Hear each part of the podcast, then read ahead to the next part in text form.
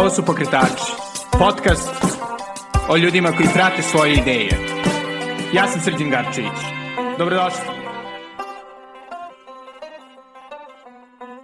Ćao i dobrodošli u još jednu epizodu Pokretača. Današnji gost je Stevan Končar, serijski pokretač i kosnivač Authority Marketinga, koji pomaže klijentima da unaprede svoj LinkedIn profil i njega naprave moćnu platformu za prodaju svojih usluga i sebe, a ne samo fabriku cringe-a.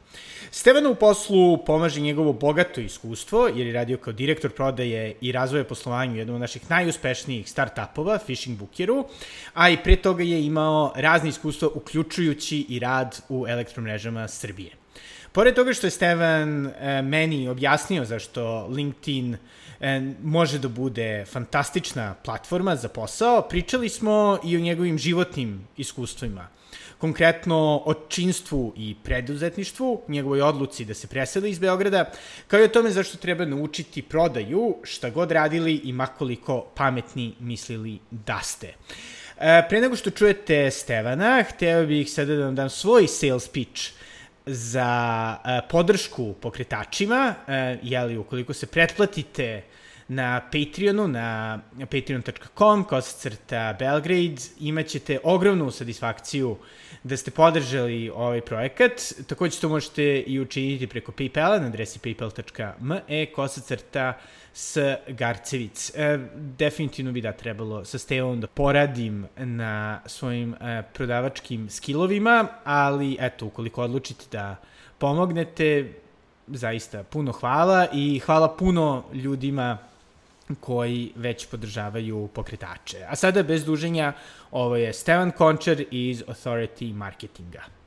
Ovi, veliko je zadovoljstvo s tema. Konačno da, da pričamo, ovi, sad sam te prekinuo sred vrlo zanimljivog izlaganja zašto LinkedIn, ovi, upravo si rekao, nije kao druge mreže, e, više cringe, neki bi rekli. ja kao zakleti titeraš, instagramaš, kao neko ko, ko, ko nema lice, ko ima lice da ne mora da bude samo na LinkedInu, ovaj, volim da se zezamo k njega, ali da, ovaj, e, eto, zašto LinkedIn, izvini se, da ponovo da, da te teram, da, cool. da objašnjaš. Da, um, da se vratim u 2019. Znači ja radim pet godina u Fishing Bookeru, koji je jedan od uspešnijih srpskih startapa. U tom trenutku već radi u 110 zemalja sveta, bukira stotine hiljada fishing tripova godišnje. Jedna priča koja je nastala u Srbiji kao bootstrap startup, znači bez spoljnih investicija koja je porasla do jako velikih cifara za, za Srbiju, a i globalno. Um, e sad, ja u tom trenutku gledam šta bih mogao da radim dalje, osjećam da mi se bliži trenutak da radim nešto sam, da krenem neki sledeći korak.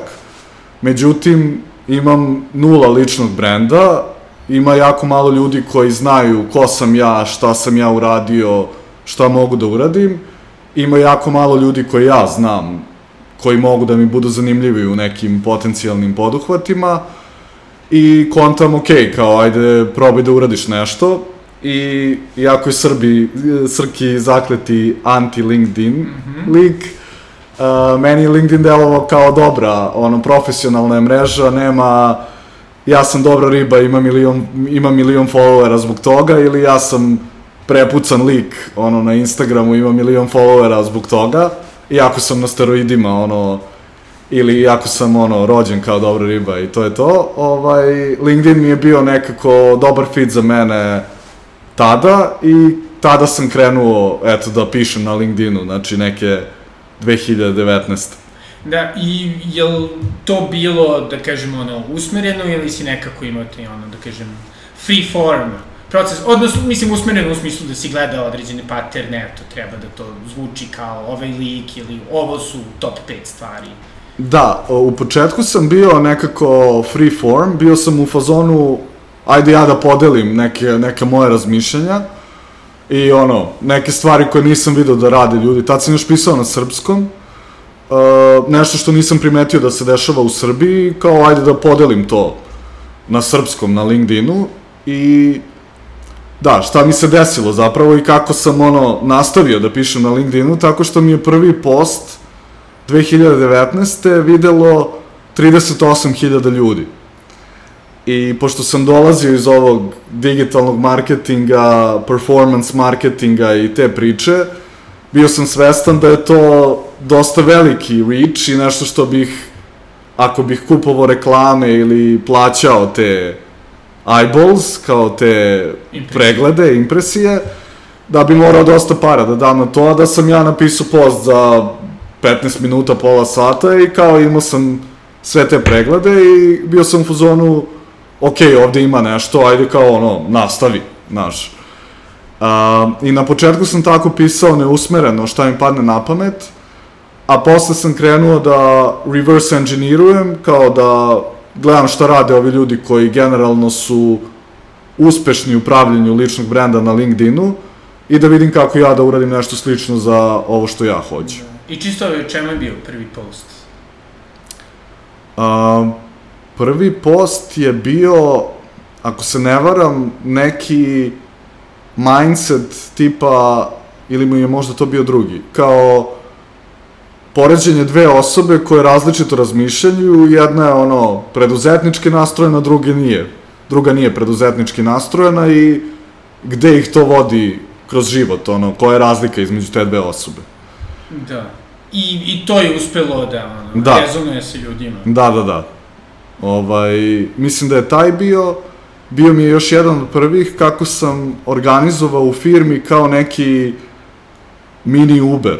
U, to jest napravio sam sistem gde ljudi koji voze, kojih je bilo, na primjer, 25% u firmi, pokupe ljude koji ne voze i da ono, na primjer, evo sad je 38 stepeni u Beogradu, da ovi ne čekaju bus, nego ono da se organizujemo da prosto stignemo svi na posao bolje, a opet da ne I skrećemo mnogo... energetski efikasnije. I energetski efikasnije i ekološki prihvatljivije i sve to i da ovaj opet eh, ne bude ni preterano, nije tu bilo nikakve aplikacije i nešto, nego ono dogovor između para ljudi i ono mapiranje gde ko živi, kad ko ide na posao i.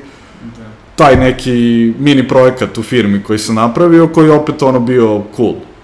Da, i kao što si ovaj isto pomenuo ovaj, na, u svom intervju na netokraciji, ovaj, i zapravo onda authority marketing je e, se stvorio ne samo zato što si ti uspeo da, da ovaj, dokažeš da si ti vrlo zanimljiva i, i ovaj, zabavna osoba, kao što smo to od uvek znali, već zapravo da si uspeo da i od klijenata ovaj, koji su bili, koliko sam shvatio, u inostranstvu, u Americi, da, da oni imaju vrlo, da kažem, opipljive rezultate i postignuća.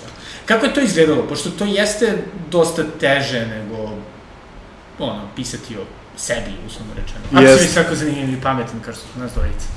A, evo ovako, moram, moram samo da se vratim Aha, malo okej. nazad, e, korak pre toga, znači, a, ja sam tu pisao na LinkedInu, izašao sam iz Fishing Bookera i pokrenuo sam svoj startup i dalje sam koristio LinkedIn, a, ali kroz te moje pokušaje da napravim lični brand na LinkedInu, upoznavao sam dosta ljudi, ljudima je bilo zanimljivo što, to što pišem i dodavali su me kao konekcije, ko je meni bio zanimljiv, predlagao sam mu da se nakačimo na pozive, da se upoznamo i tako to, kao networking, ono, po definiciji. I to je bilo, sada već si na engleskom pisao, to su bili ljudi širom sveta. To je bilo tada, da, ali ovo, ovo što sad pričam je još tipa 2020-a i još pišem na srpskom i upoznajem Okej, okej, znači lokalno. lokalno. Da. da, da. I uh, moja sadašnja co-founderka, partnerka, ko-pokretačica, uh, Dina, je videla neki od tih mojih postova i bila u to, povezali smo se na poziv, kliknuli smo, međutim ja sam tad krenuo da radim ovaj startup, uh, ona je tad počinjala kao copywriter i mi smo ono ostali u kontaktu, ali nismo tad ništa radili zajedno. Taj moj startup nije uspeo, uh, ono, to je bilo doba korone, nismo bili baš ni najbolje mečovani u timu uh, kako smo osnovali sve to i nismo imali baš ni ideju šta radimo, ovaj, tako da u jednom trenutku je bilo ono, ok, ovo ne ide, ajmo, idemo radimo nešto drugo. I Dina je u tom trenutku, ono, opet smo se čuli na neki od ovih casual sinkova, uh, ona je bila u fazonu, e, ajde, ti dobro pišeš, ajde da radimo nešto zajedno. Uh, ja sam tad bio preumoran, ono, pošto sam uložio, ono, 9 meseci energije u, u startup koji na kraju nije radio, ovaj, i tad sam mi rekao, e, ne mogu ništa preozbiljno da radim, neću sad ono, kao kad, ne znam, raskineš sa devojkom, pa kao odmah uskačeš u novu vezu, to mi nije bio fazon, nego kao ono... Ajde budemo casual. Da, ajde kao ovaj, e, da uradimo jedan projekat zajedno, pa da vidimo kako to ispadne, kako ti i ja radimo, da li se kontamo kroz rad, da li to ono ima smisla ili ne. I u to vreme ona je prevashodno, znači radila je kao copywriter, kao freelance copywriter, i dobili smo nekog klijenta koji je uh, tražio LinkedIn profil da mu se napiše. E sad, uh, taj momak, čovek, je bio onako kao senior executive, ali radio je u, na Bliskom istoku, radio je kao senior physical security, kao physical security manager, kao neki šef obezbeđenja, ali na dosta visokom nivou, tipa za Motorola, ono, mm. i to za Motorola fabriku u Libiji, na primjer, gde kao To je Mož... ozbiljan physical security. Ozbiljan physical security, znači imaš ono realne šanse da će ti pasti bomba i ono srušiti fabriku ili ubiti nekog ono Exeka. direktora, da, egzeka i to. Tako da kao ono čovek je ozbiljno to radio i proveo je ono deceniju radeći u, na Bliskom istoku, takve stvari. Ali ovaj, za, on je želeo da pređe u Evropu prevashodno ili Ameriku, eventualno neke kao mirnije predele. Uh, i da ono opet iskoristi to iskustvo koje ima, da ne dobije ono bilo kakav posao, nego da dobije neki dobar posao s razmerno iskustvu koje ima. I on je to pokušavao neko vreme sam, međutim nije uspevao i angažovao je Dinu da kao mi radimo na njegovom LinkedIn profilu i da pokušamo da ga, da pokušamo da ga pozicioniramo kao autoritet na LinkedInu i nekog ko je dobar fit za neke te high level physical security poslove. I Dina i ja smo kao radili na tom profilu zajedno, ovaj, ona je mene više usmeravala, ja sam više pisao, napisali smo njegov LinkedIn profil, pustili smo live i on je ne, nedugo posle toga, ubrzo posle toga, dobio, ovaj, dobio je kao mail, to jest uh, direct message od Amazona, Microsofta, Zalanda, koji je neki kao veliki e-commerce uh, brand nemački, i kao ljudi su bili zainteresovani da ga angažuju. Izvini, i kad kažeš profil, znači u suštini samo na stranice ili objave? I... Samo stranice. Dobro.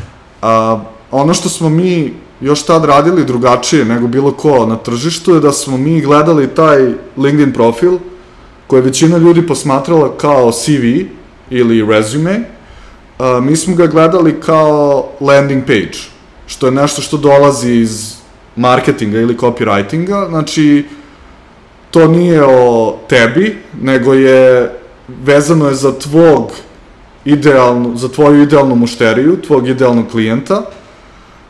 Znači, ima za cilj da proda tvoju uslugu. Ne da prikaže, znači većina CV-eva je ja ću sad da napišem svoje, sve svoje highlighte u karijeri i kao da prikažem kako sam ja car zapravo.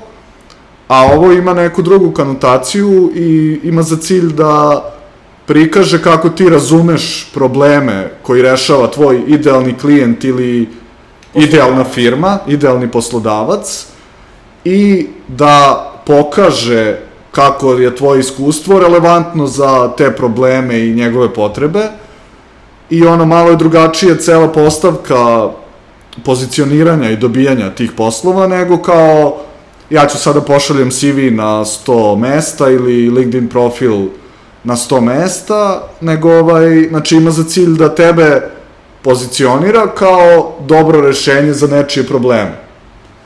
I to je ono što smo mi radili drugačije od svih tada na tržištu, ono, niko nije to tako baš posmatrao, a opet to dolazi iz toga što sam ja dolazio iz digitalnog marketinga, Dina je dolazila iz copywritinga i kao u tom nekom svetu je to standard. Znači ti ćeš ako praviš prodajnu stranicu na internetu, napisat ćeš je kao sales page ili landing page, a ne kao ja sam ovo, ja sam ono, mi smo ovo... Kompanija sa, sa tradicijom od 500 godina, Da. genjenja, osim ukoliko nije to glavna stvar koju nude, naravno. Da. da, da.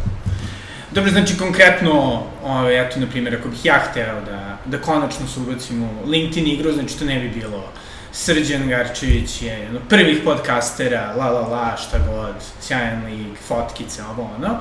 Nego, eto, ukoliko želite da imate kreativno rešenje, ja mogu da vam to uradim, glavni trendovi u svetu su to, ja radim XY. Da, znači u suštini mi bismo i pre nego što bismo išta napisali o tvom LinkedIn profilu, na primjer, jedno od prvih pitanja koje pitamo svakog klijenta je koji je tvoj cilj? Zašto ti hoćeš da si na LinkedInu? Šta želiš da postigneš time što si na LinkedInu? Čak i kad gradiš kao, ja želim da izgradim lični brand, ok, zašto? Šta će ti lični brand? Koji lični brand? Znači, dosta ljudi ima neku opet pogrešno shvatanje ličnog brenda, gde je to kao jednako ja želim da budem poznat. Da. Ali tu imaš pitanje ono poznat za šta, kao koji je opet dalji, dalji cilj toga što ti želiš da budeš poznat, znaš, ono, i pre svega toga da Srki želi da kao se pozicionira na LinkedInu, ima jedan veliki upitnik gde mi pokušavamo da skontamo šta ti hoćeš, koji problem rešavaš, ko su tvoji idealni klijenti ili idealni poslodavci, a, pokušavamo da mapiramo kako tvoje prethodno iskustvo zapravo doprinosi tom tvom cilju i tom problemu koji ti rešavaš, kako se to najbolje iskazuje, kako se to uklapa u formu LinkedIna, koja nije ono, sad ću ja bilo šta da tamo izlupam, kako optimizuješ LinkedIn da ti zapravo privučeš klijente, a ne da ostavljaš ono default, neka default settings kao na stranici koje ono LinkedIn koristi da oni profitiraju, imaju što više pregleda, poseta i tako to, nego kako da ti napraviš od LinkedIna nešto što je tebi korisno. Da, što deluje da je zapravo dosta kompleksnije od čistog, ono, pisanja profila, jer ja mislim, ono, vrlo je lako nekome reći da, da, super, evo, tebra, odradit ću ti to, ne, ne, kao, nemoj da koristiš ovu reč, baci ovo, svi će da te zaprate tebra. Da, Ove, I zapravo čak zvuči čak i kao neka vrsta biznis coachinga, pošto takva neka pitanja su nešto što... pa u Mislim, suštini... ljudi ne mogu često sami sebi da odgovore. Da, ovaj, u suštini jeste. Znači, svodi se na to i jedino što je zajedničko je što kroz, kao, za taj biznis se koristi LinkedIn kao platforma. Ali dosta klijenata sa kojima radimo misle da imaju LinkedIn problem, a zapravo imaju biznis problem. Da. To, neka neodgovorena pitanja, neke nejasnoće u svom biznisu ili za svoju ciljnu grupu, nisu, nisu izabrali, na primer, koga služe, kome pomažu, kako se pozicioniraju, kako da sroče to da ono bude ja, lako objašnjivo. To su sve biznis stvari. Ne, neko to stavljaju kao branding, ali ovaj, ono što je jednostavnije je kao mi gledamo da to stavimo u formu LinkedIna, trenutno. Znači, Da. kao, desi se, nama dođe klijent i kao, ja ne znam šta da pišem na LinkedInu, a zapravo se ispostavi da oni ne, nemaju jasnoću, mi to zovemo clarity on the big three, nemaju jasnoću o problemu koji rešavaju, o svom target audience-u, to jest ciljnoj grupi, i o svom uniquenessu. Kako je to celo njihovo iskustvo i sve što su radili do sada, zapravo njima povezano sa time što rade danas. I to je ukratko to. Da, da. Čini mi se da je zapravo baš cringe na LinkedInu, pogotovo, baš u tome zato što imate dosta profila koji samo žele da pišu o sebi, ili neke prilično banalne, očigledne stvari. Mislim sad da uopšte ono, na stranu one još veći cringe gde one ljudi koriste kao dating site, lepa si poruke, te fore. Da. Ove, e, ali čini mi se da je to generalno i problem društvenih medija, što ljudi zapravo ih koriste kao neku vrstu ono, um, projekcije sobstvenog ega. Mislim što, Da. što nam je potrebno Da, svima nama, ali kako nekako to komunicirate klijentima, kao ono nije kao ono, ovo nije ono, ne znam, uh, Survivor ili Da, da. ono reality u kome ti učestvuješ, nego kao, treba da dobiješ neku kintu od ovoga, kad Da, već da. plaćaš.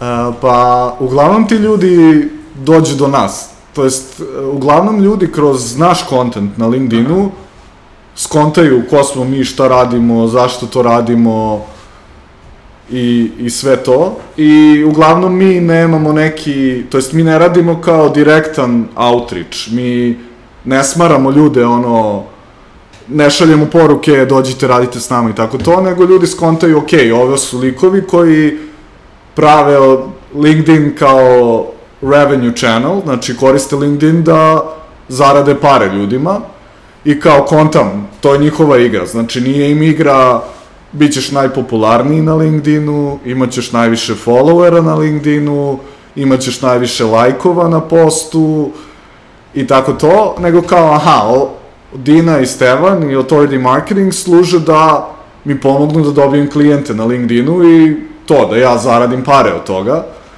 Ovaj, tako da nekako, mislim, ti ne možeš tu mnogo da sakriješ ako si konzistentan u tom svom marketingu i poruci koju šalješ, ti ćeš uspeti da privučeš ljude koji rezonuju s tim. I što je još bolje, uspećeš da odbiješ ljude koji ne rezonuju s tim. Tako da mi jako redko i završimo da imamo neke upite od ljudi koji nisu naša ciljna grupa. Znači, prosto ti ono, i kažeš, e, ako si ti ovo, ti nisi za nas, znaš, ono, e, prosto, ono, nemoj da nam dolaziš, mi ne radimo to. Mi radimo ovo i ono, to je to. Znači, Stevo, ovaj, ne, ne, nećeš moći da mi pomogneš za ono što si pitao, kako da napišem najbolji, lepa si post na LinkedInu. Nikako, nikako, ne. Not my cup of tea. Dobro, okej. A e, kako bi definisao, da kažem, vašu ciljnu grupu? A, naša ciljna grupa su agencije, koučevi i konsultanti. Znači, to su sve ljudi koji pružaju neki vid usluge uh, i koji imaju neku high ticket uslugu. Sad ja opet ono koristim dosta anglicizama jer radim na engleskom i teško mi je da prevodim na Da se srpski. svičuješ, što da bi se se svičujem, da.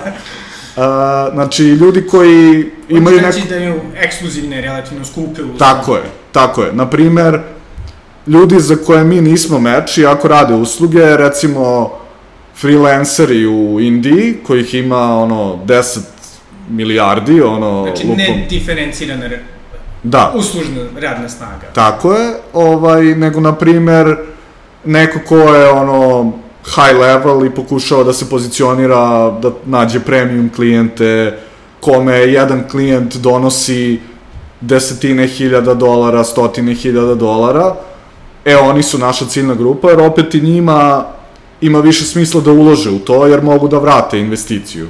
Znači, imaju ono kokoška i jaje e, problem, ovi koji imaju jeftiniju uslugu, ne, nema smisla investirati u nas, jer bi im trebalo 100 godina da vrate to kao investiciju, dok neki ljudi mogu da vrate to za ono nedelju dana, Da. bukvalno, ovaj, da im se vrati to što su uložili.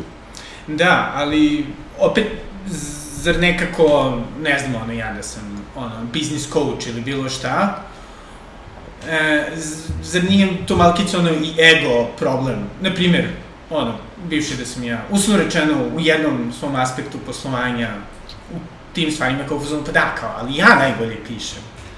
E, mislim, kako, ono, vaši klijenti prihvataju određenu dozu, potrebu za optimizacijom? Aha, ovaj, pa uglavnom prihvataju kad lupe glavom o zid. Aha. I čak uh, skontao sam da su nam najbolji klijenti, na primer, već su angažovali ono dva LinkedIn coacha ili već su dva put napisali LinkedIn profil ili već su imali ghostwritera da im piše content i onda su skontali da to ne radi ili već su reverse engineerovali neke kao top kreatore na LinkedInu i šta oni rade i ne dobijaju rezultate i ono, čitaju, prate šta mi pišemo, šta mi radimo i to rezonuje s njima i onda budu u fazonu, ok, treba mi pomoć, ne mogu sam, moram da vidim kako se to radi, ono, bilo da naučim, bilo da mi pomognete kroz neku uslugu i tako dođu do nas. Da, znači suštinski ljudi koji, ono, su shvatili da zapravo treba da zarađuju novac od svojih postova, odnosno od svoga prisustva na LinkedInu, a ne samo da to bude neka vrsta ego. Pa da, ovaj, s tim što nije ni e, da su shvatili da treba da zarađuju novac, znači dosta ljudi krene sa tim, kao ok, ovo je vezano za moj biznis, nego, na primer, evo, baš sam imao jednu klijentkinju pre par nedelja i sad ona me pita, imali smo kao one-on-one -on -one consulting poziv i ona me ona je, na primer, krenula na LinkedInu gađajući pogrešnu publiku. Publiku koja nikad neće kupiti od nje i nudeći pogrešnu uslugu koju ta publika nikad neće kupiti. Uh, I sad, ne znam, ja sam imao tu sreću da sam pričao sa stotinama ljudi kao ona i pomagao sam stotinama ljudi kao ona i, na primer, ja mogu da prepoznam pre nego što ona potroši 9 meseci na LinkedInu ili godinu dana, što je opet možeš da prebaciš i u neke pare. Znači ti ako trošiš par sati dnevno u to, znači i sat ti je, ne znam, 50 dolara, 100 dolara, 500 dolara, koliko god, ti potrošiš brdo para, vremena, energije. I ona me na kraju poziva pitala kao, ali Stevane, za, zašto vi ovo ne učite kao ljude odmah kad dođu na LinkedIn? Ono, zašto odmah ne kažete ljudima kao, e, ovo treba da radite? I ja sam bio u fazonu, e, ajde sad da te pitam, evo, ti krećeš na LinkedInu i ja ti kažem, e, slušaj, uh, sad ćeš ti da kreneš i da radiš ovo, ovo i ovo i napravit ćeš ovu grešku, ovu grešku, ovu grešku, ovo nećeš uraditi dobro, ovo ćeš pogrešno raditi, ovo ne znaš ni da treba da se radi to, hoćeš ti meni verovati? I ona je bila u fazonu, pa, verovatno ti ne bi, ne bi verovala, kao morala bi da ono zapravo probam i kao, sigurna sam da imam brdo ljudi koji će pokušavati da ti prodaju ono neka muda za bubrege i da te ubede da ti daju pare jer si ti zapravo početnik na da im daš pare jer si ti zapravo početnik na LinkedInu i kao uh, ja kažem, reko, zato nama i jesu ljud, ciljna grupa ljudi koji su već probali nešto. Jer ja bi morao tebe da ubeđujem, morao bi da potrošim svoju energiju, ti ne bi bila spremna da kupiš, dok ti nisi probala, angažovala dvoje ljudi već, lupila glavom o zid, skontala da trošiš vreme, da ne dobijaš klijente, a znaš šta ti je LinkedIn cilj, da ti je cilj da napraviš kao marketing kanal od LinkedIna, nešto što ti zarađuje pare, e, tek tad si ti spremna da radiš sa nama. Do tad ja mogu da potrošim ono sate ili ono mesece ubeđivajući tebe da ubeđujući tebe da zapravo ti treba da radiš to i to, ali ti mi ne bi verovala. I zato ja neću ni da trošim svoje vreme, ja ću da uzmem ovo low hanging fruit, kao ljude koji su se već opekli, i kontaju, ok, ja ne umem ovo sam, ili ovi ljudi mi nisu pomogli, ovaj pristup mi nije pomogao, ajde sad ja da vidim, ovo što vi radite mi ima smisla, to je drugačije, ajde da vidim da li vi možete da mi pomognete. Do, donosite rezultate drugim ljudima, vidim ono vaše testimonijale svake nedelje, svakog meseca, ajde da vidim da li vi možete da mi pomognete. Jel postoje neki primer da si se baš iznenadio da je uspelo? Pa često se iznenadim zapravo, ovaj, uh, jer... Iz dobro, naravno ne moraš da... Ne, da mogu... konkretno, mislim ono da... Mogu da pričam, nije mi, ne, ne stavljam imena, ono, ne. ne pričam ljude, ali kao, evo šta mi se desilo, to je bilo još pre godinu dana i što isto meni pomogne da skontam vrednost našeg coachinga i usluge. Imali smo jedan na jedan poziv sa jednim konsultantom iz Španije, ovaj, i sad, to je bio sat vremena poziv. I on je platio za sat vremena poziva i to je to. I sad tu smo, moja co-founderka Dina i ja, i mi njemu objašnjavamo šta treba da radi, kako treba da radi, šta trenutno greši, kako to da promeni, koji je gap između toga gde je i toga gde želi da bude. I ono, prođe to ok, to je jedan fin poziv i on ono, super srećan, deluje mu ono da je to sve imalo smisla. I super, ono, kao i mi smo dobili, za te neke stvari ne možeš odmah da dobiješ kao uh, return on investment. Znači, nije ni on odmah dobio povrat investicije time što je dobio savet od nas, tako da uvek ima nešto kao, ok, da li, da li je ovo vredelo ili nije vredelo. I sad ovaj, ostanemo mi u kontaktu s njim kao i sa većinom naših klijenata i uh, piše mi on posle dve nedelje kao, e, Stevane, ono, hvala ti još jednom, ono, super je bilo strava, ovaj, evo da ti javim da sam dobio tri potencijalna klijenta, time što smo, ve, baš i kao vezano za ovo što, što smo pričali, kao uradio sam ono što ste mi rekli, i kao sad posle dve nedelje pregovaram sa tri potencijalna klijenta koji su zainteresovani za moje usluge. E sad, to deluje kao, ok, mislim, dešavalo se to i pre, ali ono što je bilo različito je, uh, ovaj lik ima usluge koje, košt, koje kreću od 15.000 evra i idu do, na primer, range mu je od 15 do 50.000 evra po klijentu. I sad, uh, ja kontam da je on za dve nedelje, to jest da sam ja utrošio sat vremena svog vremena i da je on za to dobio potencijalni revenue, potencijalni prihod od 50.000 evra do 150.000 evra. Znači, nisam ja sve to uradio, morao je on to da uradi, morao je on da ima ekspertizu i to, ali opet, ovaj consulting call, gde pot, koji je bio sat vremena, je doneo njemu bukvalno potencijalni prihod od 50 do 150 hiljada evra, gde sam ja u fazonu, mislim ono, strava, kao ekstra, i zbog njega, drago mi je, a s druge strane, e, pa kao, mogu bi ja da malo i evaluiram koga tačno gađam, kao, znaš, da, da. ako bi mogo to da garantujem, ja bi mogao mnogo više da naplatim, ako gađam te ljude, oni bi mo mogli da priušte mnogo više da me plate, i tako to. Ali često mi bude tako neka iznenađenja, ovaj, da, da kažem, ujebote, ono, nisam ni ja baš ovo očekivo da će on tako brzo moći da generiše klijente i da, ono, priča sa njima, ima to. I ovaj, imam još primera takvih, gde sam u fazonu, ono, fuck yeah, kao, znaš, mislim, kao, ti sve vreme imaš osjećaj, ok, to radi, ja to radim, nije da ono, izmišljam toplu vodu, radio sam to na sebi, uradio sam to sa drugim klijentima, ali onda da se desi neki klijent da budeš u fazonu, ujebote, ne da radi, nego ono, ovo kida, kao, znaš, uh, može da bude još bolje nego što sam ja mislio da jeste. A sad relativno onako arogantna osoba, kako bih ja bio da zarađujem po 15 do 50 hiljada evra po klijentu, Ove, imam foru, ali ja sam toliki mega car, šta meni treba bilo čiji ove, consulting, i kao ja bi to verovatno već sam skontao da ima neki problem ove, u meni. E, šta misliš da su uglavnom ljudima, da kažemo, ono, slepe tačke? Pošto ovde su očigledno radio ljudima koji su ono, i, i razumeju ono čime se bave, očigledno su sposobni da prodaju stvari, jer ne bi zarađali 15 do 50 hiljada, ali ovaj, šta misliš da su uglavnom te, da kažem, slepe tačke gde im vi pomažete? A, najveća slepa tačka iz mog iskustva za većinu ljudi koji su eksperti u nekom domenu, znači bilo da si ti business coach ili security da, consultant, da. A, je što ti moraš da, šta god da si, čime god da se baviš, moraš da izađeš iz svoje glave.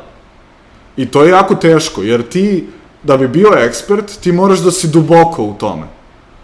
Znači, recimo da si business consultant koji može da naplati te pare koje naplaćuje firmama sa kojim radi, ti mora da si proveo ono deceniju u tome i da si buljio u to kao ono non stop i da si stvarno se posvetio tome. E sad, dobra stvar toga je što ti stvarno postaneš ekspert u tome, Loša stvar toga je da ti ono ne vidiš šumu od drveta, što kažu. Znači ti buljiš u drvo, a ne vidiš ono druge stvari i ono što mi najčešće zapravo uradimo sa tim klijentima je izvučemo ih iz njihove glave. Mm -hmm. Ono, najprostije rečeno. Znači ti kao arogantan lik koji ima ekspertizu bi ovaj bio u fazonu, ok, ja znam to što radim, ali ovaj, često bi bio u fazonu, ok, ali ja ne znam kako najbolje to da objasnim klijentima. Ne znam kako to najbolje da iskomuniciram. Moji klijenti ne rezonuju sa tim što ja pričam, jer sam ja predugo, preduboko u tome, predugo u tome. I ja kao moram da izađem iz te svoje glave i treba mi pomoć sa strane, da mi neko kaže, e, okej, okay, to što ti radiš je ovo, najveća, najveći benefit toga je ovo, ne ovo što ti kao misliš.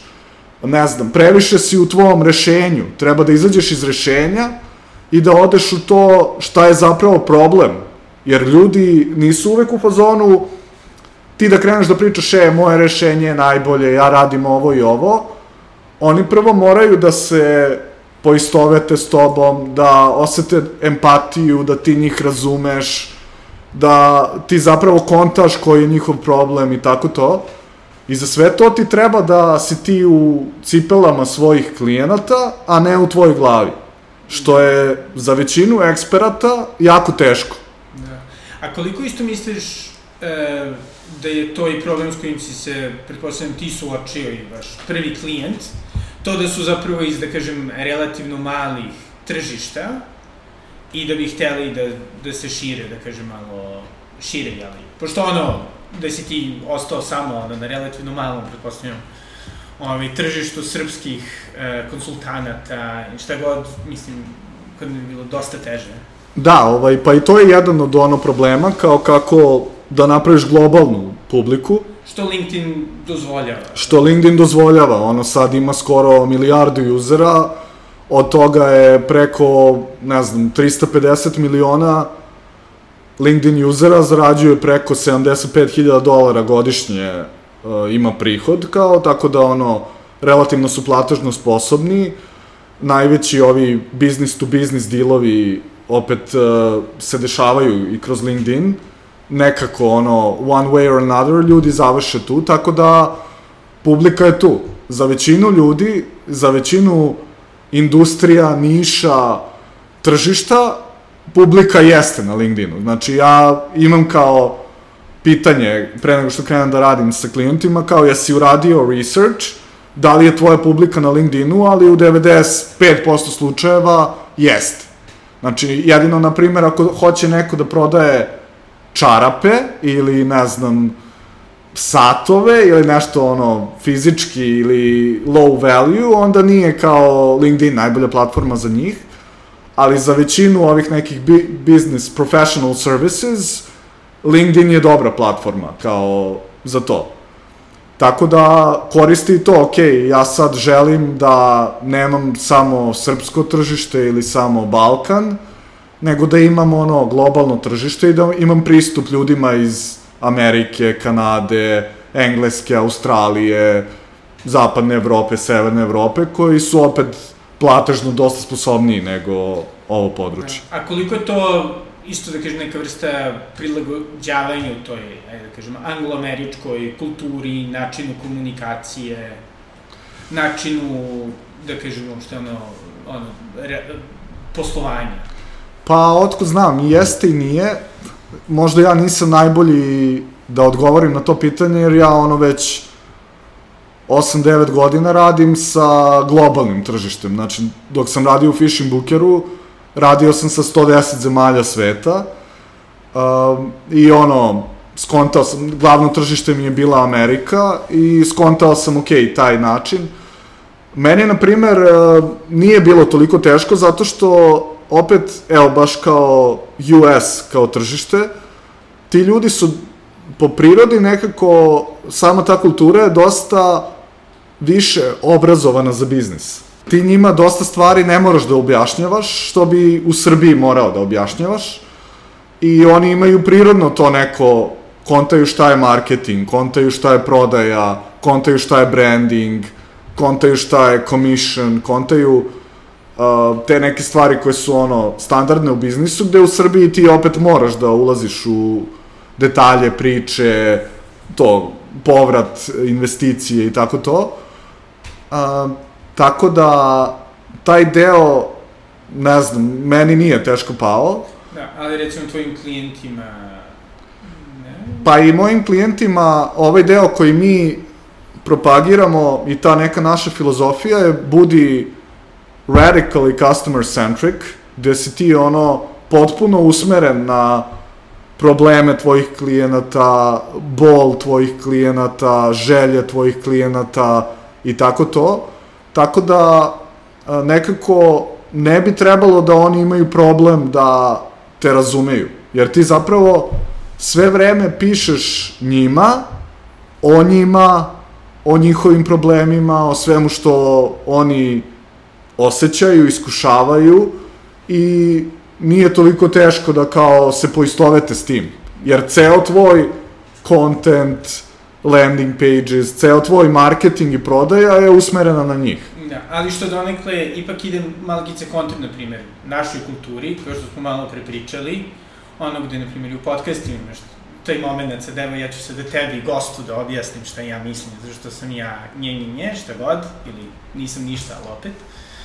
Ove, ili uopšte gde, ne znam, evo, dosta, čini mi se da je naša poslovna kultura i dalje, ja sam sada konsultant, znaš, znaš ti bre ko sam ja, Da, da. Mislim, što ne znači čak ni da, ni da zapravo ti sa tim nastupom zapravo ne razumeš svoje klijente, nego samo komunikacija je Da, drugačija. a, jeste, ovaj... Vidi gde sam ja bio, vidiš gde sam ja ne bio. Da, da, ovaj, mislim da mi imamo kao jednu izreku gde kažemo nije o tebi, e, nego o tome šta ti zapravo donosiš svojim klijentima.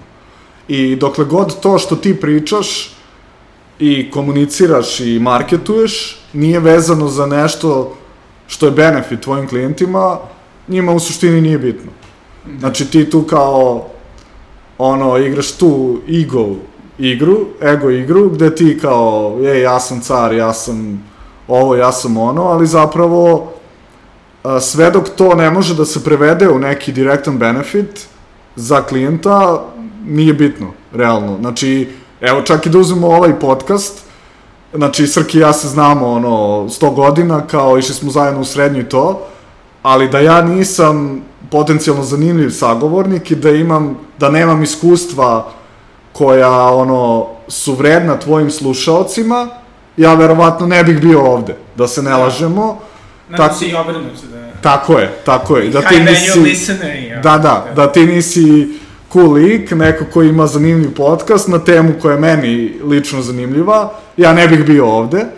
Ovaj, tako da ono, svodi se na to, znači, mogu ja da ti pričam kako sam ja car, kako sam kao klinac radio ovo ili ono, ali dok to nije vezano za neki problem koji tebi, koji je tebi problem, nije nešto bitno. Znači, samo ja igram kao ego game i to ljudi u Srbiji iz ovog regiona vole da igraju, ali realno mislim da im ne doprinosi rastu biznisa. Da, da. I ono što mi isto interesuje, koliko ti je u, u trenutnom poslu zapravo pomoglo to što si u Fishing Bookeru baš radio na business developmentu, znači ono baš na salesu, što je...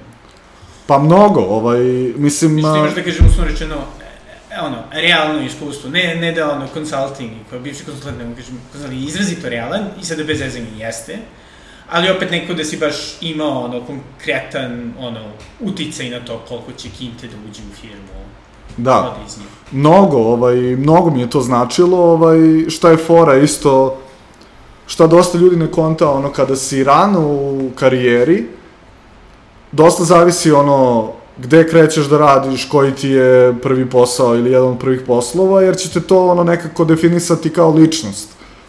I sad, e, s obzirom da je Fishing Booker bio startup bez investicija, koji je imao velike ciljeve, ali ne veliko ne veliku potporu, ono, finansiranje i tako to, ti si morao da budeš jako pažljiv sa parama, sa investicijama, da meriš dosta stvari, nisi mogao baš da se zezaš kao, ne znam, ako radiš u Coca-Coli, radiš marketing, ti možeš da pukneš i milione na neku kampanju i da to bude okej, okay, kao ono, nije uspela, nema veze, neće se ni osetiti, ono, tako to. Ovde se, ono, merio svaki dinar, bilo je bitno kako radiš stvari i tako to i, ovaj, s druge strane, ono, meni su prodaja i marketing dve, dve strane istog novčića. Znači, a, dosta stvari što ti ljudi uče kao u marketingu, zapravo treba da si naučio kroz prodaju. I ovaj, sav ovaj deo što sam pričao kao radi, radical customer centricity, da se ti potpuno okrenut rešavanju problema tvoje ciljne grupe, to je isto bitno za prodaju. Ono, ljude ne zanima ko si ti, šta si ti, nego ok, šta, šta ćeš ti meni da doneseš.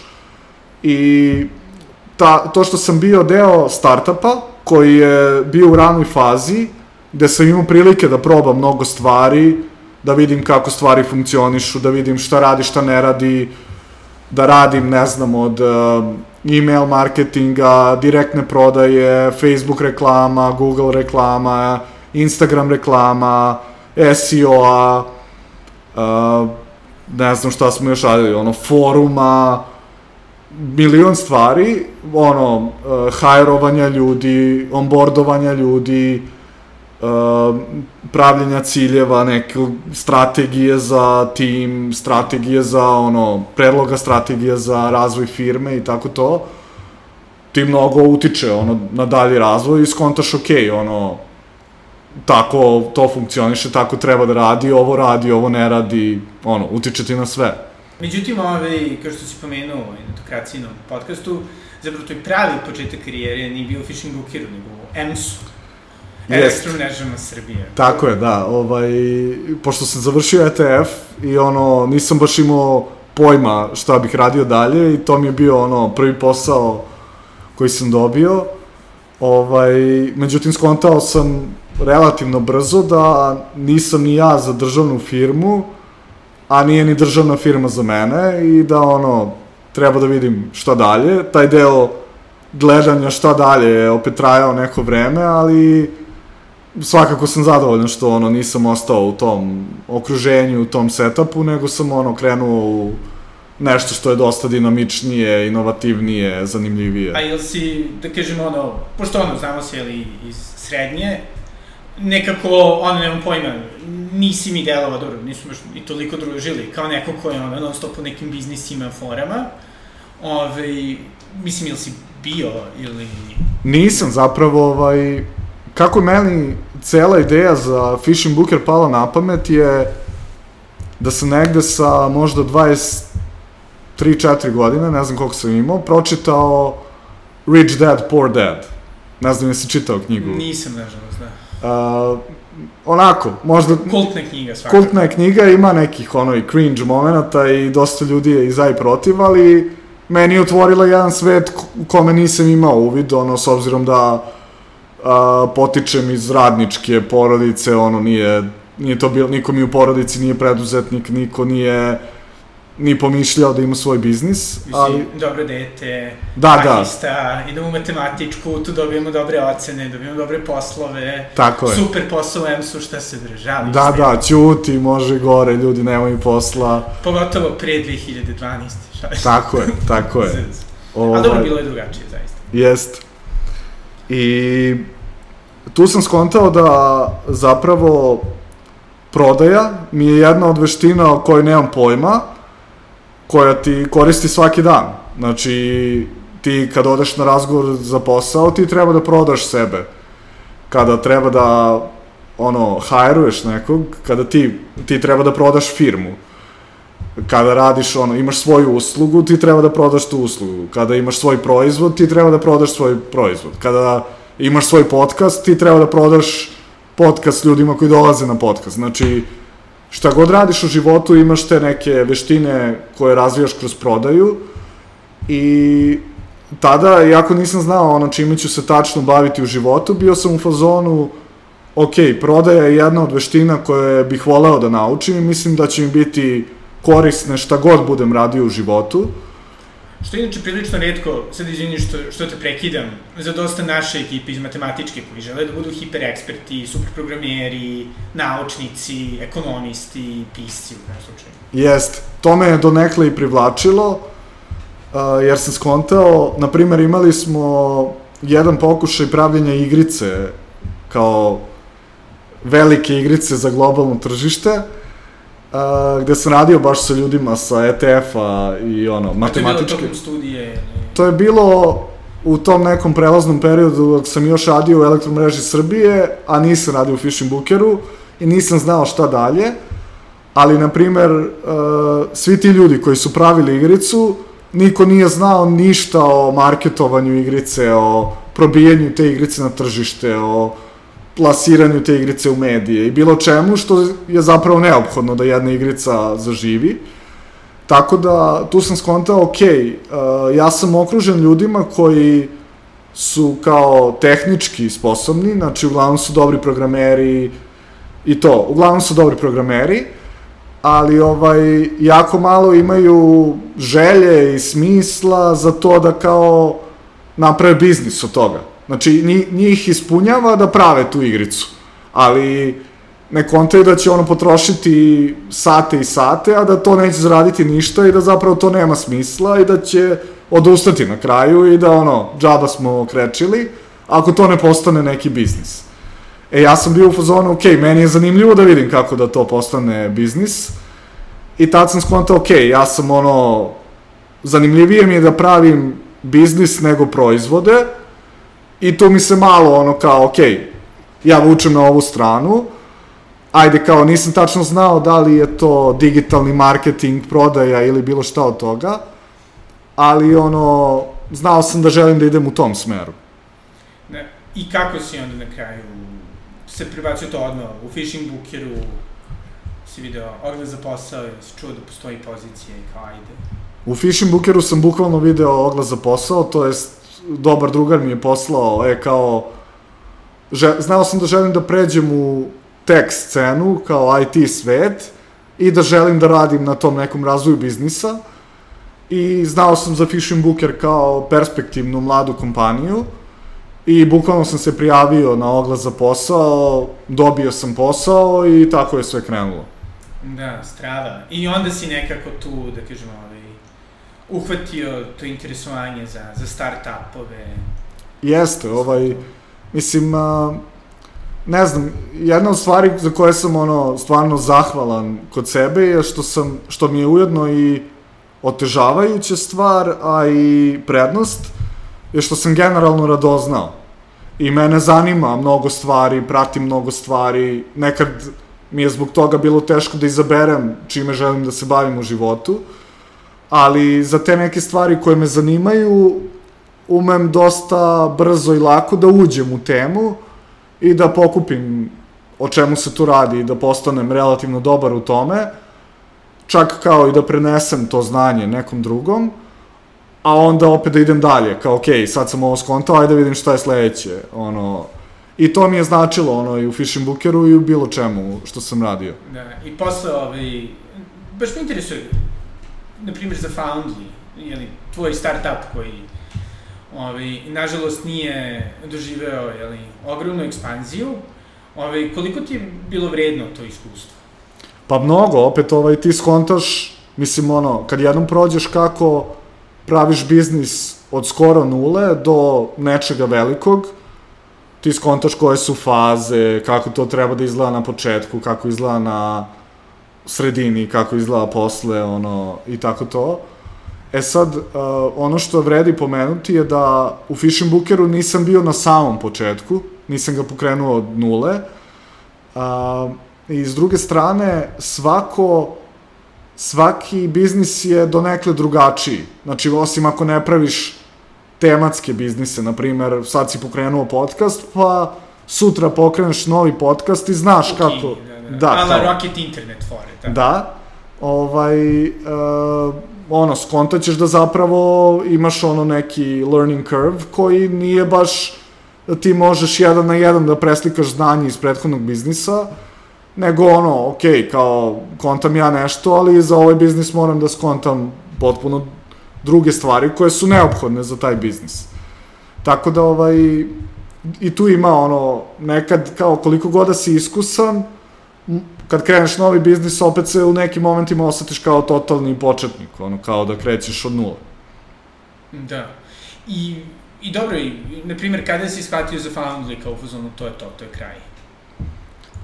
Pa, najviše što mi je od toga, da kažem, što mi je bilo to kao signal, to je kraj, je ta neka hemija u timu, kad sam skonto da nema, nema toga, i da mi kao co-founderi želimo različite stvari, imamo totalno drugačije živote, totalno drugačije želje i tako to, i da ono, teraš vodu na dve vodenice, ono, nema kao tog spajanja nekog u zajedničku misiju, viziju, nego je ono, ne znam, neko želi jedno, neko želi drugo i kao, ok, ja ne želim to. To je opet bio i neki trenutak kada sam, uh, kada je žena bila trudna sa drugim detetom, ja kroz Foundly nisam zarađivao novac i ono, uh, kao gurao sam opet bootstrap celu tu priču, ali ovaj, u tom trenutku mi je bilo bitno da to što radim ima nekog preklapanja sa mojim željama, dubokog preklapanja sa mojim željama, ono, ličnim i to, da ne bude kao, ok, ovo mi je još jedna stvar koja mi je posao i tako to. A, tako da neki, ono, splet okolnosti mi je bio samo kao, ok, ovo ne ide kuda sam ja mislio da će ići, a, to, ne, nemam baš a, to poklapanje u timu sa mojim željama, očekivanjima, žena mi je trudna sa drugim detetom, kao nije baš više za zezanje, ono, moraš da vidiš da zarađuješ, ono, kao ne možeš baš da se zezaš mesecima i mesecima, kao pokušavajući nešto, i onda se sve to sklopilo i kao, okej, okay, to je to, ono, Da. idemo dalje. I pošto je ovo pre svega jedan vrlo, da kažem, diverzitetan, progresivan podcast, ovaj, moram da primetim da, da uglavnom ovaj, e, svoje gošće i žene uopšte pitaju, a kako je balansirati ovaj, majčinstvo sa poslom, dok ovaj, moram da priznam, ređe to pitaju muškarce, ali eto, evo, slušalci, sve ti koliko sam ja progresivan, da ću čak pitati s tevo. Svaka se, čast. Ne, ali, ovaj, sad šalno na stranu, ali da, zapravo, kako je taj aspekt očinstva i uopšte ono, imanje porodice i seljenja zapravo iz Beograda ovaj, u okolinu Užica, Da, ovaj, pa uticao zapravo na je... tvoju karijeru i po, poslovne odluke. Da, e, najprostije rečeno, jako je zajebano i mislim da dosta ljudi ne shvata šta znači imati svoj biznis. Čak i ljudi koji su negde kao imaju u glavi, ok, ja želim da imam svoj biznis i da se bavim tim, uh, to je prosto jedno iskustvo koje moraš da doživiš da bi ti skontao šta sve to nosi sa sobom, koja ti je ono cena koju ti plaćaš i emotivna i nekad i financijska, znači nisu svi biznisi odmah profitabilni, čak i ono, Zapravo većina nije. većina propadne, nije, Da. većina propadne, tako je, i to ovaj, uh, mislim da je dosta lakše pokretati biznis negde u 20 kada si ono single ili kao nije ti porodica sastavni deo života, svakodnevnog života kao žena, deca i to.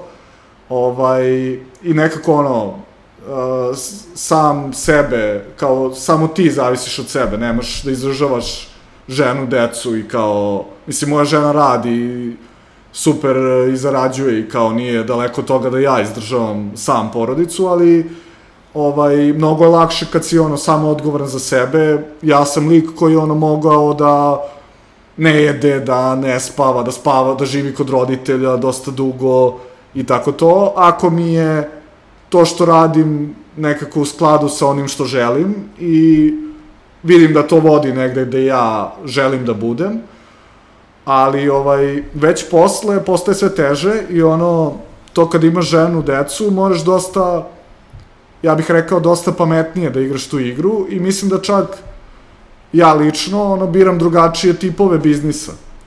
Znači, na primjer, u 20. mi je bilo ok da radim u startupu i to u high risk startupu gde ono, postoji realna šansa da će sve to pući i da ono, na ulici si, pritom si bio potplaćen često i godinama, jer kao startup ima druge načine da te motiviše da ovaj budeš tu, ali često to nije plata i, na primjer, mogo si da zarađuješ ja sam uh, veće pare zarađivao u EMS-u nego u Fishing Bookeru kada sam prešao iz jednog u drugi. Uh, znači, slušajte, to nije bilo vreme kada su IT-evcima pare samo tekle. Da, pa... Pogotovo ne za, za projekte kao Fishing Booker. Tako je, da, ovaj, tu je još trebalo da napraviš taj revenue, da prihod da bude stabilan.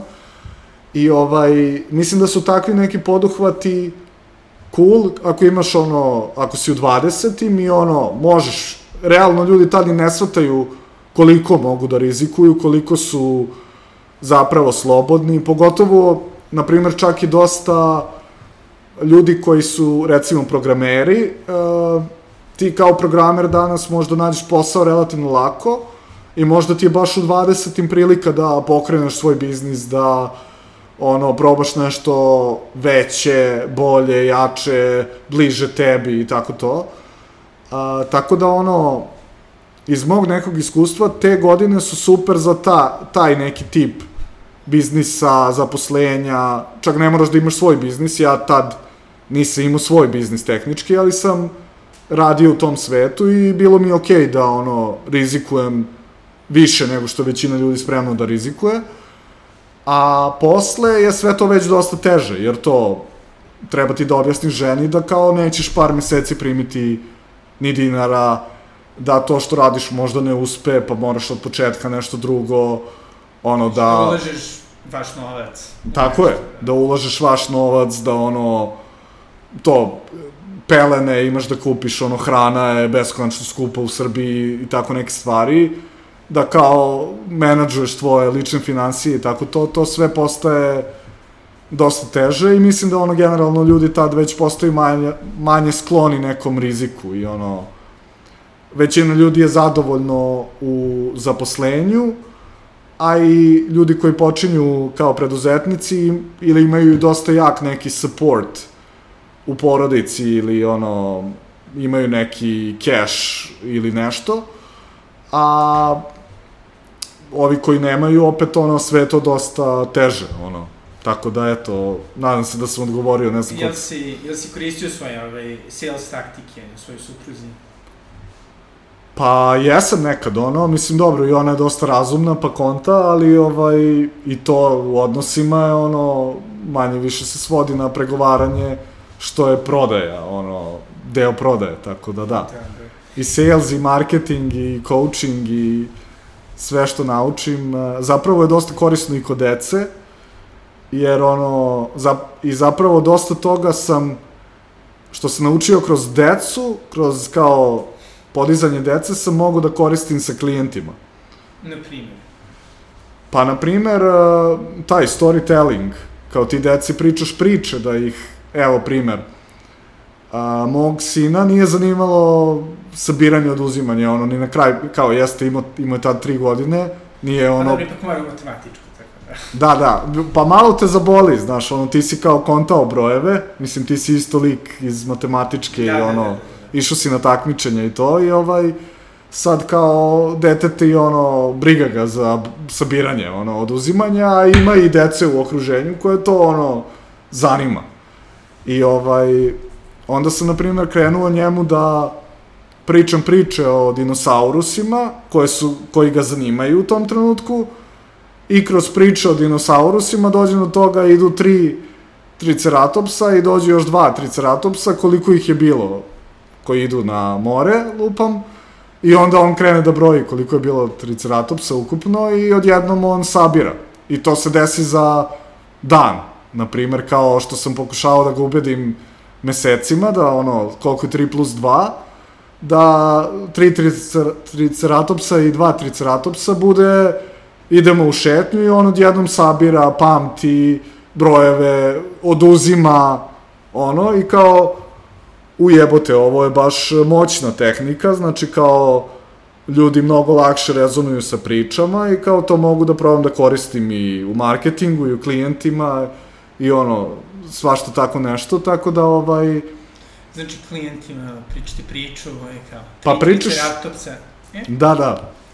A, mislim, mi Ljudi su... Šta da oni sami ovaj, izvrče Pa da, momentu, da. nekad je bolje da ti nekom kažeš e, imao sam klijenta koji je baš bio u sličnoj poziciji i evo šta smo uradili i sad ti ispričaš priču o svom klijentu, nego da mu kažeš, e, ti treba da uradiš ovo, ovo i ovo i dobit ćeš to, razumeš, jer opet ti ljudi su nekako wireovani, znači tako smo podešeni da priče rezonuju s tobom i evo, sigurno se sećaš Aladina, i Kralja Lavova i Pepeljuge i Snežana i Sedam patuljaka, a ne sećaš se nekih bullet pointa koje si pročitao sa 5 godina.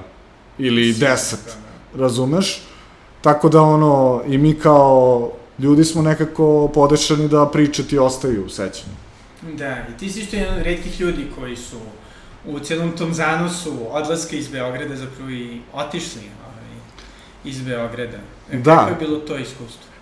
I to jest kako je to iskustvo? Pa, bilo je zanimljivo, ovaj, mislim, to se desilo nekako spontano i da je, meni da je neko rekao pre jedno 7-8 godina da ću ja otići iz Beograda kao ono u 20. kasnim 20. i to Beograd mi je bio ono top grad za život.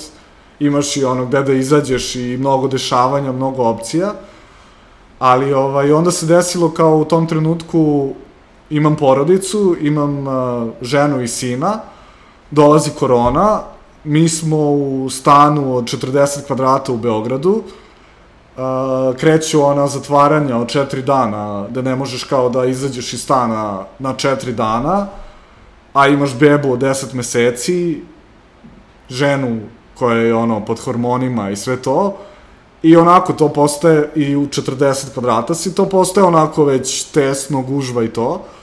Pritom, ono, treba i da radite, odakle da radite, postaje i to problematično, nemaš prostora, nemaš dovoljno mesta i a, pošto je moja žena poreklom iz okoline Užica i Zlatibora, da kažem, iz sela, njeni su iz sela Kriva reka, Mačkat i to, i imali su porodičnu kuću tamo, I onda smo ono bili u fazonu ajde prvo da probamo, kao možemo da radimo odakle god, i ona i ja. Um, kupili smo ono mobilni internet, jer nam je to bilo jedino što nam je potrebno da obavljamo posao. I kao ajde da odemo u kuću na selu i da vidimo kako je tamo, kako to izgleda.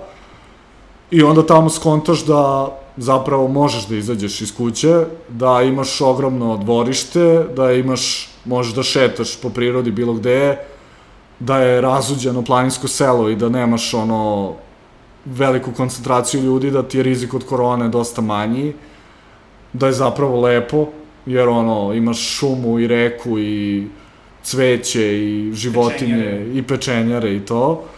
Ovaj, I tad smo prvi put ostali šest meseci, znači bili smo od aprila do oktobra. Onda smo se vratili u Beograd, izdali smo taj manji stan i iznajmili smo veći stan, kao da opet probamo da živimo u Beogradu. I tu smo bili par meseci, međutim tad je baš na velika zvona ušla ona kriza sa zagađenjem u Srbiji. Aha, okej. Uh, I u trenutku kad imaš, tad smo već imali dvoje dece, i sad uh, ono razmišljaš da li da odem do parka ili ne, da li da izađem iz stana ili ne. I žena opet ode na belu zemlju i kao okej, um, šta kao izađe sa bebom napolje, beba zaspi, čisti vazduh, beba spava, tri sata, ono, super je, ona, ono, šeta, ne brine se da li će, ono, da li je zagađenje ili nije i sve to. I mene Milica zove, ono, posle nedelju dana, kao, e, meni je super ovde, kao ja, ono, ostala bi još, rekao, okej, ostani, zove me posle nedelju dana, kao, e, meni je super ovde, ostala bi još, rekao, dobro, super, zove me, ono, treću nedelju, kao, rekao, okej, kao, da dolazim ili ne, gde živimo, šta radimo, I onda sam ja opet otišao tamo, jedno vreme smo imali kao backup taj stan koji smo iznajmljivali u Beogradu, ali onda smo skontali da to zapravo i nema nekog smisla i da smo ono većinu vremena tamo, u, na beloj zemlji, i ovaj, onda smo bili u fazonu, ok, ajde, jel možemo da upišemo decu u vrtić, možemo, jel, imam, jel možemo da radimo, možemo, jel imamo ono neke, ono, kao boxes to check, kao jel imamo sve što nam je neophodno, imamo, ajde da probamo i ono, uvek možemo da se vratimo u Beograd. I tako smo otišli na Belu zemlju, tamo smo ostali dve godine, dok nismo skontali da nam stariji sin ovaj, dolazi već u stadijum da mu ono, treba više aktivnosti, ne znam, treba će mu engleski, radionice, sport, nešto. I pre nekih dva meseca smo se preselili na Zlatibor, koji dosta Beograđana hejtuju kao ono, grad na planini, ali nama iskreno odgovara što je ono grad na planini, jer imaš opcije grada, a opet čim izađeš iz centra imaš planinu, što većina Beograđana zapravo ne zna, da Zlatibor nije ono jezero i kao krug oko jezera i kafići, nego da Krugu ono... 200 metara. Da, nego da zapravo možeš da odeš ono kilometar na bilo koju stranu i opet imaš borove i šumu i sve to. Tako da sad smo tamo i planiramo da budemo tamo ono bar 10 godina. A društveni život? Na... Pa, društveni život je zanimljiva tema i ljudi, ljudi me često pitaju za to, ali jedna ono, šokantna istina je da kad imaš dvoje male dece i biznis da kao vodiš, da podižeš, koji raste, i uopšte i da imaš posao i imaš dvoje male dece koji su ono jako mali, da nemaš ti mnogo vremena za društveni život i uglavnom se ono spajaš sa nekim ljudima koji su u sličnoj situaciji. I opet ono, igrom slučaja kako opet moramo da dođemo u, u Beograd sa vremena na vreme i veći deo ekipe nam je u Beogradu, iskoristimo to da se vidimo s nekim ljudima i to nam je za sad bilo dovoljno, do pre možda godinu dana, ali ovaj, dobra stvar je ono, opet, Zlatibor je mesto koje živi, dosta ljudi dolazi tamo, mi sad imamo opciju da nam dođu ljudi u stan, ono, da prespavaju, tako da uh, imaš ono ljude isto koji su se preselili na Zlatibor iz Beograda sa malom decom sa kojima možeš da se povežeš. Da, Tako- to sam mislio, jel ima, da kažem, drugih ono, Ima, da, klimatskih izbjeglica? ima i klimatskih izbeglica. Klimatske izbeglice, do, dobar fazon. Ima čak i Rusa na Zlatiboru. da. Ovaj, ima ono, ljudi iz svih delova zemlje, nije samo lokalno, ono, nego globalno je, ono, imaš kao više dešavanja. Vrh, vrh, vrh. I sada, ovaj, ajde, samo e, da se vratimo na još par pitanja. Dok si pričao o celoj optimizaciji profila, setio se jednog vrlo zanimljive priče koja se bavi jednom drugom mrežom, gde je jedan čovek uspeo da zarađuje dosta novca time što je uzimao sadržaj od drugih, da kažem, content creatora i samo unapredio komunikaciju. Ovaj, radi se o, o mreži OnlyFans, možda si čuo. Aha.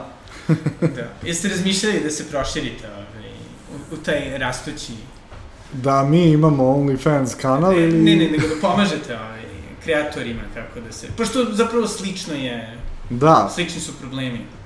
Pa u neku ruku pomažemo kreatorima, ali ne kroz taj vid, mada OnlyFans je postao preozbiljan biznis, znači taj founder izlači ono opasne dividende iz biznisa i ono završio je, završio je što se tiče financija, ono, ne mora više ništa da radi u životu i ono, verovatno pet generacija iza njega.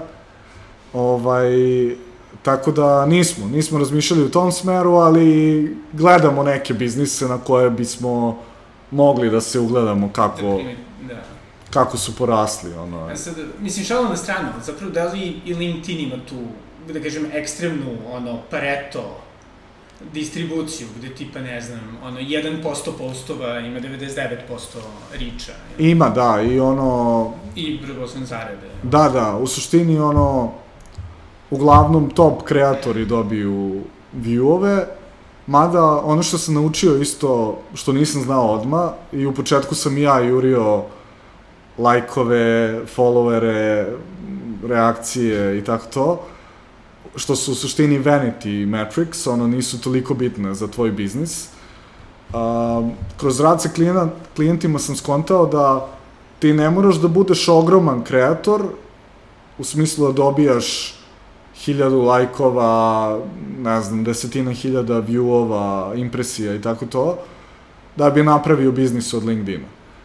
Da ti zapravo to, ako uspeš dobro da se pozicioniraš i dobro iskomuniciraš i da često neki sasvim, sasvim dobri biznisi imaju po, ne znam, 2000 followera, kao sasvim dobri, recimo, konsultanti, koučevi koji zarađuju super, nemaju više od 2000 followera ili mnogo više od toga, ne znam, 5000, što je relativno izvodljivo, ono, možda ljudima koji nemaju to deluju kao big deal, ali doći do toga je ono par meseci posla, ono bukvalno za neko ko zna šta radi.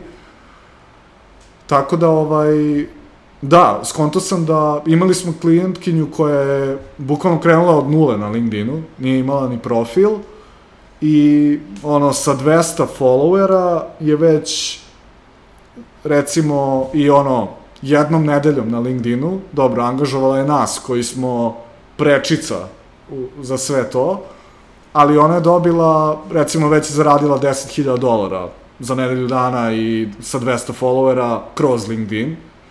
I ono, mislim, sasvim sam siguran da će moći da zaradi 100 plus hiljada dolara ove godine kroz LinkedIn samo. Ovaj, iako neće imati možda ni hiljadu followera, konekcija i to. Tako da ovaj, zavisi o, otprilike kako igraš tu igru.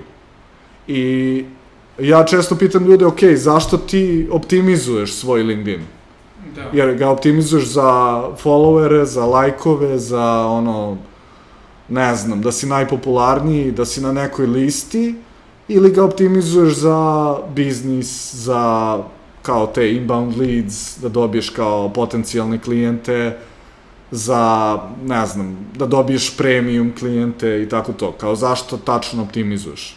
Da, da. A pošto je LinkedIn još nema onu foru kao Substack, ono, premium content, nema da još. mora da se plaća. Onda, da. da, nema još Niti to. revenue sharing, kao sada Twitter, odnosno X. Da, ovaj, LinkedIn je dosta tu onako, deluju mi škrti kao platforma, u fazonu, mislim da, to jest, kreatori imaju kao creator mode, gde ti možeš da se deklarišeš kao kreator na LinkedInu, um, ali deluje mi da oni ne podržavaju mnogo te kreatore, nego svodi se na to da ti moraš da skontaš kako da monetizuješ taj LinkedIn kreator mod sam kroz taj neki svoj biznis i dosta ljudi se zaleti u tom nekom smeru da kao samo postaneš popularan kreator, ali nemaš neki jasan vid monetizacije. I onda si opet u problemu, jer kao čemu svi ti followeri i to, i to ti postane donekle i operativni trošak, jer ti, to ljudi ne shvataju, ali nekad trošiš i ozbiljne sate na LinkedInu da ti dođeš dotle i ovi ljudi sa najviše followera i svega, oni, njima je LinkedIn full time job, bukvalno troše 8 plus sati dnevno na to. Sad zamisli da imaš i biznis pored toga ili posao pored toga ili nešto, ti ono, nemaš to vreme i to i bukvalno ti postane ono, ok, šta ja radim ovde ako ne monetizujem ovo? Tako da ovaj, uh, LinkedIn onako tu igra neku svoju igru i opet oni kao platforma to ne treba da ono čudi ljude, ali ljudi treba to da skontaju. Oni gledaju kako da maksimizuju svoj profit. Znači, ne gledaju oni kako da ja, Stevan, preduzetnik iz Srbije, kao napravim više para, nego oni gledaju kako da oni LinkedIn, kao velika korporacija, naprave više para. Da. I dok ti skontaš, ono, što pre skontaš kako se igra ta igra, pre ćeš moći i ti da budeš u fazonu, ok, znam šta oni rade i znam zašto oni to rade, ali i ok, ja kontam kako ja moram da igram ovu igru da bi i meni bilo dobro. Da ne bude samo win za LinkedIn, nego da bude win za Stevu isto. Da, a jeste razmišljali možda širenje na X, bivše da imaju sada taj ono, revenue sharing i zapravo da isto funkcioniše u određenim segmentima, na primjer u fitnessu, eto to pratim. Da, Dosta kao dobro mesto za konsultante, za razno nuđenje usluga. jeste, ovaj, meni je inače Twitter... sad i revenue sharing. Da, meni je Twitter i X kao sad ajde nova platforma, a, čak za neke stvari mi je dosta i maltene omiljeniji mi je od LinkedIna, a, i volim ga, ono, kao platformu. Sad, ono, gledam šta će, šta se dešava s ovim Elonovim preuzimanjem i ono, kuda idu stvari. A, čuo sam od dosta ljudi sa LinkedIna da je za dobijanje klijenata LinkedIn bolji, da je ono Twitter nekako ono malo drugačije optimizovan, ima više spema i više botova, trolova i tako nekih stvari. Ali dobro vidim da se radi nešto na tome, da se to promeni. Uh, tako da, što da ne, ovaj, znaš šta je fora isto? Ti donekle biraš platformu po tome šta tebi odgovara. Ja, na primer, uh, i Dina pogotovo, mi volimo da pišemo. I sad uh, ti tražiš platformu koja je ono uglavnom pisani kontent, gde ono, ne znam, ja da sam možda harizmatičniji ili da ono puca mi harizma i kao samo se nasmejem i pojavim se negde i kao ljudi me odmah gotive, možda bi gađao podcaste kao ti Srki ili video content ili e, nešto drugo, ali sve to mi je dosta teže za produkciju i samim tim je teže da budem konzistentan i onda vu, vuku me platforme gde je pisani kontent dominantan i tako mi je ono LinkedIn i tako mi je i Twitter okej. I krenuo sam ono, počeo sam, pogledao sam ovaj threads da vidim šta se dešava, ali nisam još ono To je prilično mrtvo. Da, deluje ono da je kao krenulo ono, da je većina ljudi bila u fazonu daj da vidim šta se dešava, okej, o, odoh ja, kao ono, to je to.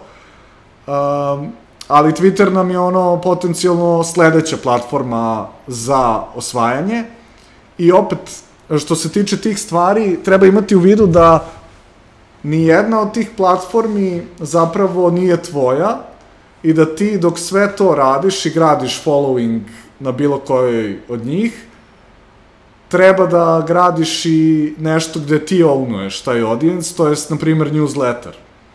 Jer, evo, da LinkedIn promeni algoritam i ima naznaka da će se to desiti, kao što su sve društvene mreže uradile, u jednom trenutku je organski reach pao. I ti si na Facebooku, koji ono, do ne znam, 2012. 13. 14. si mogao isto da pišeš kontent organski ili da stavljaš nešto i da koristiš to u biznis vrhe, onda u jednom trenutku samo smanje algoritam, promene algoritam i smanje taj reach i ti si, ti zavisiš od plaćenih reklama.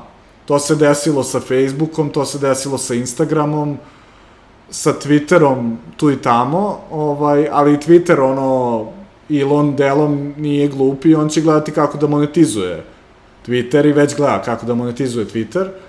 Uh, tako da, ovaj, sve te neke stvari ono vode u to da oni kao platforma zarade, imaju ono prvu fazu osvajanja audijensa i ono ajde da zaživi kao platforma, ali druga faza je monetizacija.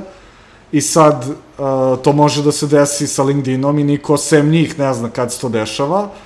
I ti onda koliko god da imaš followera, na primjer Dina i ja sad imamo ukupno preko 100.000 followera, ali ako LinkedIn smanji reach naših postova, nama ti followeri mnogo manje znače. I kao dok ti ne ownuješ, kao dok ne posjeduješ tu publiku, kroz neki tvoj medijum, kao na primjer newsletter, uh, onako, škakljivo je to, imaš kao rizik za biznis i treba videti kako da ono, hedžuješ taj rizik. Da. I drugi rizik za, za nas, stvaraoce sadržaja i ovi, ljude koji, koji pomažu drugima da stvaraju sadržaj je AI. Jeli. E, jel se plašite da će u nekom trenutku neko moći da kaže, ok, želim da, da mi ovaj, profil bude kao da mi ga je Steva Kravio napravi? Da, ovaj, pa imali smo par pokušaja ljudi da to urade, ali ono, nisu uspeli.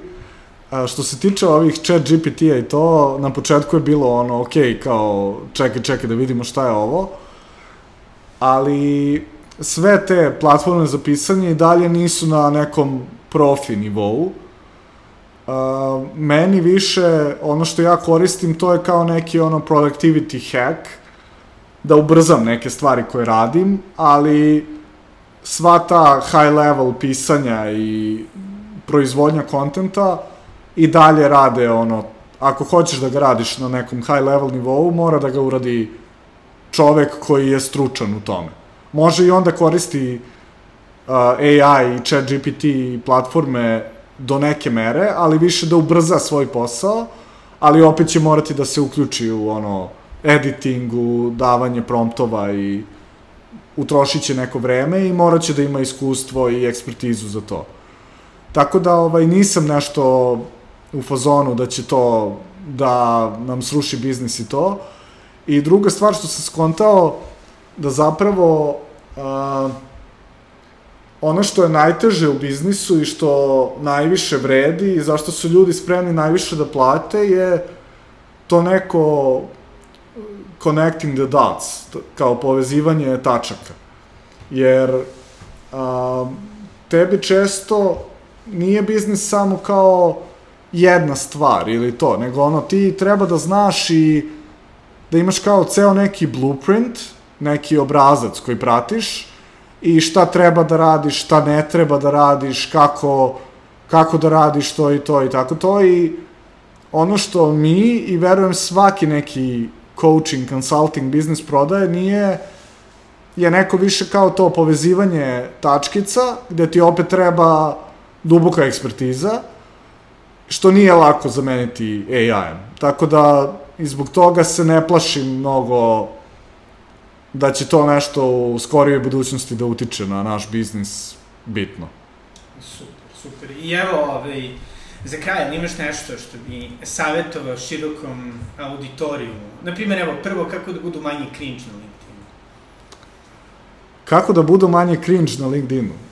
Pa, za početak, eto to, vidite koji je LinkedIn cilj, koji problem želite da rešite, kako želite da se pozicionirate, po čemu želite da budete zapamćeni i onda izbacite sebe iz jednačine i krenite da pišete za svoj target audience, za svoju ciljnu grupu, tako da to što pišete zapravo njima pomaže da urade nešto i da kad pročitaju vaš post mogu da odu i da primene to i odmah ćete biti manje cringe na LinkedInu i odmah ćete imati veću pažnju vaše ciljne publike. Ali opet misliš da je bolje da pišu bilo šta ili da ne pišu? Pa imam podeljeno mišljenje, ovaj, nek, neki kao ovi preporučuju kao ono just, just do it fazon, ono samo počni kao piši bilo šta. Opet, uh, mala je, tanka je linija između toga kao piši bilo šta i ono ja zapravo nemam pojma što radim. Tako da mislim da je bolje da budeš do nekle intentional, da znaš bar do nekle, znači bar kreni, ne moraš da imaš ono 100% sam siguran ko je moj idealan klijent i koji tačno problem rešavam, ali imam neku ideju i kao bar to definiši i kreni s tim. Znači nemoj baš da kreneš sa e, ja ću samo da krenem nešto da piskaram, pa ono, dokle stignem, nego ono, moraš malo da uđeš dublje i u sebe i u cipele tvog target audience-a, ciljne grupe i problema koji rešavaš, da skontaš, ok, kao, o, ja moram da povežem ovo i ovo. Znači, ne mogu baš da pišemo čarapama i pijaci i kako sam igrao šah kao klinac, a prodajem consulting usluge za dobijanje klijenata na LinkedInu, kao... Nema Osim ako nisi baš super, super zabavna osoba, što većina ljudi... Pa da, ali tu imaš, ok, šta ja onda prodajem? Jer ja, jer ja prodajem zabavu, kako ja monetizujem Zabavu, da, tu da. zabavu i ono, znači kao ja sam onda, ja se pozicioniram kao zabavna osoba, kanali monetizacije zabavnih biznisa su ovi i ovi, znaš, i tu valja krenuti sa nekim planom, da ne kreneš ono, ja sam samo zabavna osoba, okupio sam ljude kojima sam ja smešan i okej, okay, ti ljudi imaju po dolar u džepu, svi zajedno i ono ne mogu nikako da im uzmem pare i kao niti se advertiserima isplati da se reklamiraju tim ljudima jer ti ljudi ne kupuju, samo scrolluju i smeju se i kao ok, nisam baš ovo dobro isplanirao, znaš, opet sam kao šta sad? Da. Fazom. Da, istina. Ovi slušalci, hvala vam puno, šalim se. Ne, ove, ali, a da, recimo što bi inače kao savjetuju ljudima koji žele da se, da kažem, tranzicioniraju u neki, usmrčeno, savjetodavni posao poput tebe, znači od nečega što je bilo dosta strukturirano u nešto što je nuđenje vrlo specifične usluge. Da, ja mislim da dosta ljudi zapravo nema predstavu koliko neka njihovo, neko njihovo znanje i ekspertiza nekome znači. Naprimer, a, samo da pogledaš sebe pre par godina, bio bi u fazonu, ok, ovo što ja znam sad, bi mnogo pomoglo Srkiju od pre par godina. Ili pre dve, tri, pet, deset i kao to što ja znam sada bi moglo da mu poveća zaradu, uštedi vreme, poveća status u društvu, poveća kvalitet rada, znači donese neki benefit i okay, onda kao skontaš ja zapravo imam to, mogu da probam to i offline, bez neke prevelike tehnologije, sajta, marketinga, automatizacije, nego odem do nekog i budem u fazonu, e, ako bih ti ja pomogao da za pet nedelja dođeš odavde do ovde, da li bi ti to bila pobeda? Da li bi voleo ono da, ne znam, za šest nedelja smršaš pet kila bez da se odrekneš slatkiša? I ono, dosta ljudi bi bilo u fuzonu, da, brate, ono, to, ili ne znam, a, da li bi ti vredelo da, a, recimo, ne znam, radio si u korporativnoj engleskoj, kao da li bi ti vredilo da ti ja ispričam, ono, da uradimo kao da za mesec dana dođeš do toga da si poželjan kandidat za banku u Londonu. Razumeš, kao ti imaš to iskustvo, bio si tu, dobio si internshipe, imao si to kao iskustvo, znači okej, okay, to je nešto što je nekome big deal i neko bi verovatno i platio za to, i kao ja mogu to da unovčim, bilo kroz digitalne proizvode, kurseve, one-on-one -on -one coaching ili nekako i kao mogu da monetizujem to svoje znanje. Tako da, ovaj, mislim da dosta ljudi nije zapravo svesno da nešto što je njima, ono, što kažu kao stojim negde na Google Drive-u ili u glavi, da je to zapravo nešto što bi neko platio. I e, kad skontaš da jeste, onda možeš da kreneš u to, ok, daj da vidim kako ja ovo da monetizujem i kreneš to da radiš, imaš tačno ko ti je ciljna grupa, koji problem tačno rešavaš i kreneš kako to da marketuješ, da možeš zapravo da napraviš bar side hustle, da ne kažem ono full blown business od toga. Da. I šta je recimo bila ta jedna stvar, ovaj, da kažem, pre dve godine koju bi samom sebi savjetovao kada si kretao u ove vode, da bi promenio? Uf, uh, to je dobro pitanje, ali to se svodi zapravo na sve ovo što sad radim kroz kao business coaching, 95% je to što sam ja pogrešio. Znači, 95% stvari koje ja učim klijente sada je greška koje sam napravio ja, a nekih 5, možda 10% je koji su napravili moji klijenti prethodni. Tako da ovaj ima ono mnogo mnogo odgovora na to pitanje, ali ono ne znam, na primer, evo jedna stvar je gađaj klijente koji su ono spremniji da te plate. Gađaj bogatije klijente. Znači, probaj da skontaš ko su bogatiji klijenti i nemoj da gađaš bilo koga.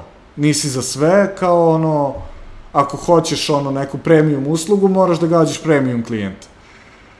A, eto, to je jedna stvar. na primjer, koji sam naučio na teži način, jer dođeš do toga da ti skontaš da možeš da pomogneš nekom, ali taj neko nema para da te plati i kao nemaš taj service market fit, nisi napravio dobar biznis od toga.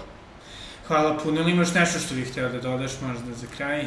Ništa, za sve ljude koji žele više da čuju od mene, da me prate, možete da me zapratite na LinkedInu, tu sam najaktivniji, Stevan Končar, ili da odete na authority.marketing, authority.marketing, uh, sajt, imamo ono besplatan newsletter, delimo korisne stvari, zapravo vredne čitanja, možete da nam zapratite i ono, ako treba nekom nešto, pišite mi na LinkedInu, tu sam ono najredovniji, pa nadam se da je ovo što sam pričao bilo od koristi nekome, bar.